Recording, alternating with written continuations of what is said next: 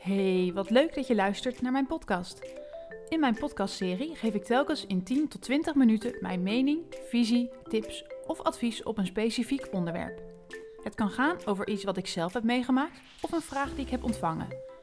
Mijn visie op SEO wijkt wellicht wat af van wat je gewend bent. Met name voor kleine partijen is SEO echt een vak apart. Hetzelfde willen doen als de grote spelers in elke markt heeft geen zin. Die ga je niet zomaar verslaan.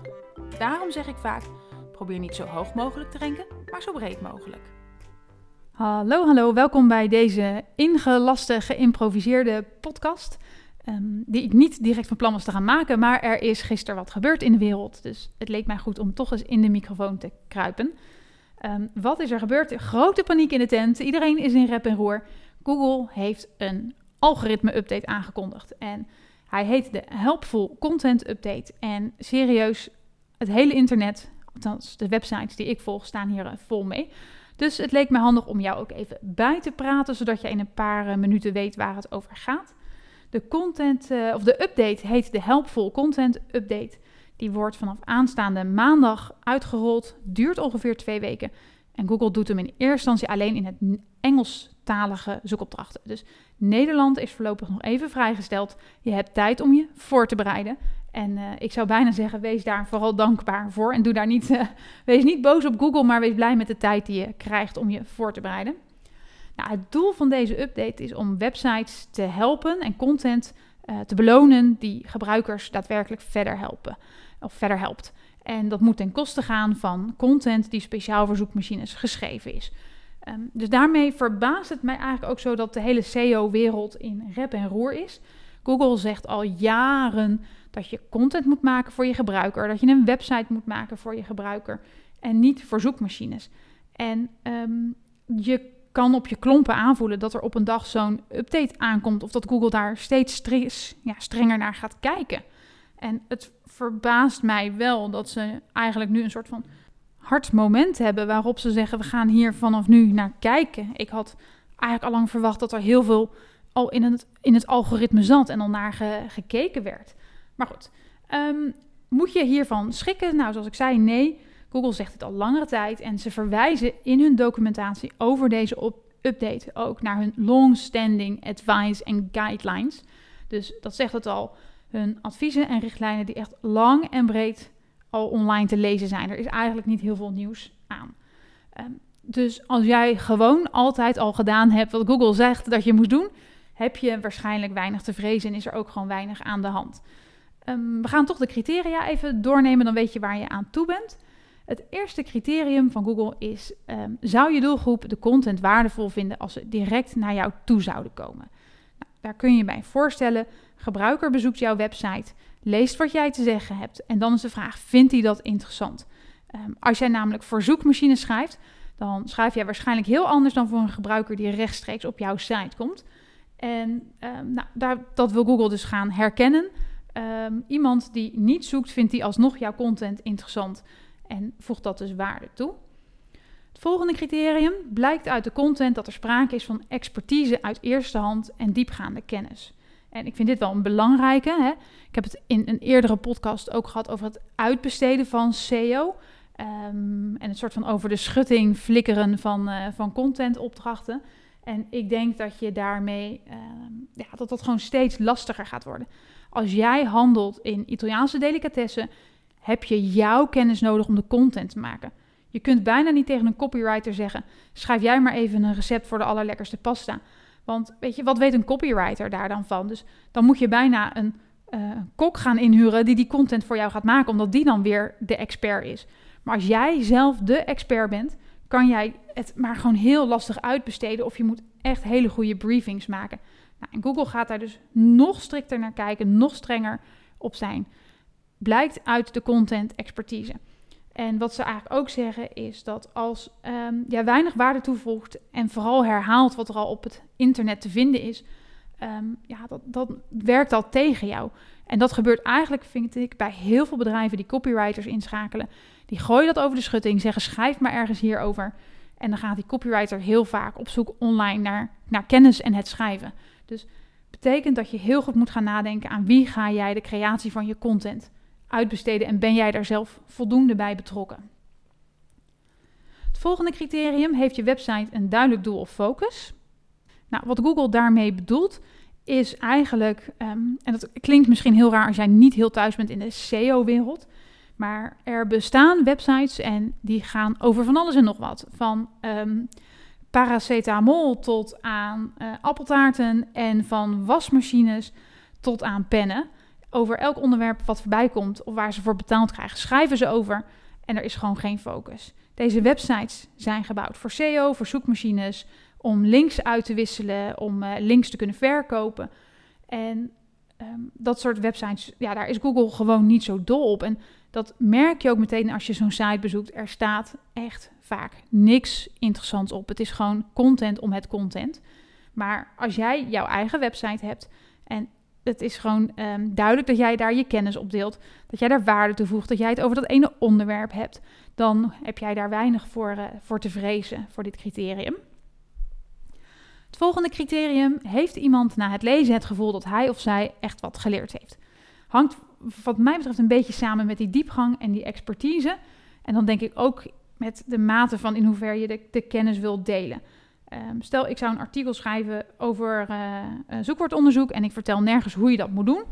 Ja, is, heeft iemand dan echt iets geleerd daarvan? Nee, dan heb ik waarschijnlijk alleen maar iets geschreven wat heel vaak het keyword bevat, omdat ik erop wilde ranken. Dus kijk nog eens kritisch naar jouw content. Heeft iemand hier echt wat van geleerd? Uh, voeg dit dus waarde toe. En dan kijkt Google er ook naar, heeft iemand na het lezen uh, het gevoel dat het een bevredigende of een positieve ervaring was? Dus dat je zegt van ja, um, mijn informatiebehoefte, daar ben ik in voorzien. Ik hoef geen volgende zoekopdracht meer te doen. En um, ook dat is dus heel belangrijk. Wees concreet, wees compleet, wees helder, wees voldoende informatief. En als jij dat lastig vindt om dat zelf te beoordelen, vraag dan een ander die weinig kennis heeft om even mee te lezen of die jouw content dus snapt. Nou, en tot slot zegt Google eigenlijk: hou jij rekening met de richtlijnen rondom de core updates en de product review updates. Nou, core updates, dat zijn er een heleboel verschillende. Um, dus daar gaan we het nu niet heel erg over hebben. Wel wil ik het even hebben over de product reviews update. Heb ik het nog nooit eerder over gehad. Maar stel dat jij producten beoordeelt. Hè? Je hebt een artikel op jouw website met de vijf beste wasmachines. Heb jij dan zelf de wasmachines getest? Heb je ze uitgeprobeerd? Heb je het aan den lijve ondervonden? En kun jij daar ook echt wat over zeggen? Of herhaal je alleen maar wat eigenlijk de fabrikant zegt en zet jij dat op een lijstje? En dat vindt Google heel belangrijk, dat als jij dit soort content maakt, dat het daaruit blijkt dat jij het ervaren hebt, geprobeerd en weet waar je het over hebt.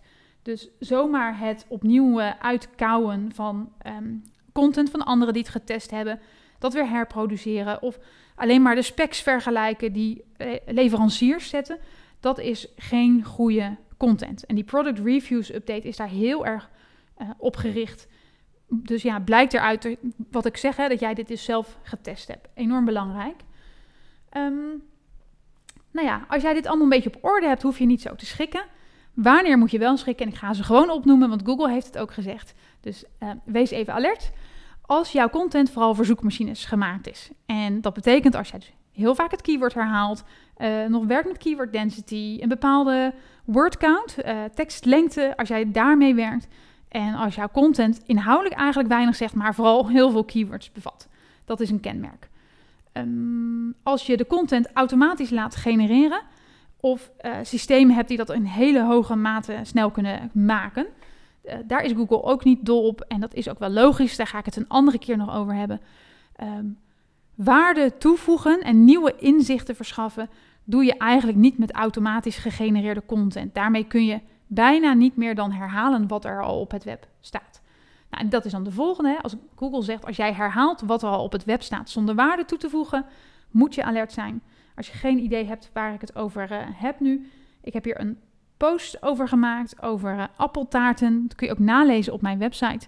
Dat er eigenlijk 1,4 miljoen recepten voor appeltaart zijn. Dus um, als jij zegt van ik ga het volgende maken en het is gewoon het standaard recept met kaneel, suiker, rozijnen uh, en de hele mikmak. Ja, of je het uniek geschreven hebt of niet, het voegt niks meer toe. Er zijn al 1,4 miljoen recepten. Dus hou dat ook in het, in het achterhoofd. Uh, waar Google ook kijkt of zegt dat je alert moet zijn als je alleen maar schrijft over een onderwerp omdat het trending is. Dus eigenlijk uh, heb jij niet zo'n heel breed portfolio aan content, maar alleen die trending topics pik je er dus uh, uit. Ik vind hem zelf raar, kan hem niet helemaal plaatsen, maar uh, Google noemt hem. De volgende is eigenlijk wat ik al zei. Heeft de lezer het gevoel dat er verder gezocht moet worden omdat je content niet voldoende diepgang heeft? Um, vraag dit dus aan een ander om eens te lezen. Um, als je schrijft met het aantal woorden in het achterhoofd, dus zegt ik moet minimaal 2200 woorden gaan schrijven en je ja, gaat eindeloos maar herhalen en niks nieuws meer, uh, meer maken, dan, uh, dan moet je alert zijn. En als jij een onderwerp behandelt uh, waar jij de kennis niet van hebt, dus bijvoorbeeld een niche onderwerp. En stel dat ik morgen een post zou gaan behandelen over SEA, hoe je campagnes moet inrichten. Nou, ik denk dat Google dat daarmee bedoelt. Ik snap niks van SEA, kan het niet, ik heb er geen ervaring mee. Dus moet ik ook niet over willen schrijven, moet je aan de andere experts overlaten. En tot slot de laatste. Belooft je content dat er een antwoord is wat er in werkelijkheid niet is. En dan geven ze het voorbeeld van: uh, zeg jij dat er een film uitkomt op een bepaalde datum, terwijl dat helemaal niet gecommuniceerd is. Nou, dit kun je natuurlijk zo breed trekken als je wil. Um, en dat kan zelfs, denk ik, gaan over vraagstukken als: uh, bestaat er een God of, of niet? Ik denk dat je ook op dat soort dingen kunt gaan, uh, Google is ja, het antwoord weet eigenlijk niemand. Dus dat soort content, dat, uh, dat willen ze liever niet. Nou, zoals gezegd, vanaf maandag wordt hij uitgerold. Uitrol duurt waarschijnlijk twee weken en is voorlopig alleen voor Engelstalige zoekopdrachten. Dus jij hebt voorlopig nog tijd als jij een Nederlandstalige website hebt. En dat is wel mooi, want als jij nu herkent bij al die dingen die ik net opzonde van doe dat nou niet. Als jij herkent van ai, oei, oei, dat heb ik allemaal wel gedaan in het verleden dan moet je echt nu aan de slag. Je krijgt tijd van Google. Ga het doen, pak het op. Um, vraag iemand om mee te lezen. En huur een second opinion in. Vraag een, uh, een expert om mee te kijken. Um, en ga met je content aan de slag en ga het gewoon echt verbeteren. En als jij je afvraagt van ja, hoe herkent Google dit nou? nou Google maakt hiervoor gebruik van machine learning systemen. Dus die kan dit automatisch gaan herkennen. En machine learning is ook heel lastig. Want wij weten eigenlijk niet zo heel goed meer wat daar in zo'n algoritme gebeurt. Dat traint zichzelf en wordt steeds slimmer. Dus kunnen ze het echt? Ik heb geen idee. Um, hoe werkt het dan? We hebben geen idee. De techniek gaat ons vooruit. Uh, maar blijkbaar zijn ze in het Engels, hebben ze voldoende vertrouwen om te zeggen wij, uh, wij kunnen dit. En wij kunnen dit dus ook herkennen. Nou, het gevaar is eigenlijk dat je dus, als jij heel veel van dit soort slechte content hebt, die echt voor zoekmachines gemaakt is en niet voor de lezer, dat je uh, jouw content daar slechter van gaat performen. En niet alleen je onbehulpzame content, zoals Google het noemt, maar eigenlijk alle content op jouw website. Dus je kan ook niet zeggen, ja, ik heb uh, de helft van mijn website is, is onbehulpzaam, dan raakt het alleen die. Nee, Google zegt dan gaat het eigenlijk um, veel meer raken dan dat. En ze zeggen, hoe meer slechte content jij hebt, hoe meer je het gaat, uh, gaat merken in de resultaten. Nou, en dan denk ik dat je dus rankings kunt gaan verliezen, je posities. En misschien juist nog wel op die pagina's die het voorheen altijd zo goed deden. Hè? Want um, hoe jammer ik het ook vind, partijen kwamen er echt nog mee weg met slechte content maken. En ik heb het idee dat misschien vooral die pagina's dus wel eens harde klappen kunnen gaan krijgen. Um, nou ja, wat ik al zei, eigenlijk mag je hier niet van schrikken. Doe dat ook niet. Adem in, adem uit. En wij hebben het voordeel dat we even kunnen kijken of het nou echt een massaslachting wordt. Uh, of dat de soep toch niet zo heet gegeten wordt als dat die wordt uh, opgediend. En dan weten we ook hoe we straks in Nederland hiermee om moeten gaan. Maar kom wel in actie. Ga eens kritisch kijken naar jouw content. Wat heb je gemaakt? Wat heb je geschreven? En voldoet dat aan de eisen die Google uh, stelt? Ik zal ook de link erbij zetten dat je het na kunt lezen. En uh, je daar ja, zelf een beeld over kunt vormen. Nou, als je zegt, ik vind het ma maken van goede content echt heel lastig. Hè? Hoe doe ik dat nou? Hoe bedenk ik onderwerpen? Wat schrijf ik dan? Ik zeg het eigenlijk nooit, maar nu ga ik toch zelf promotie doen.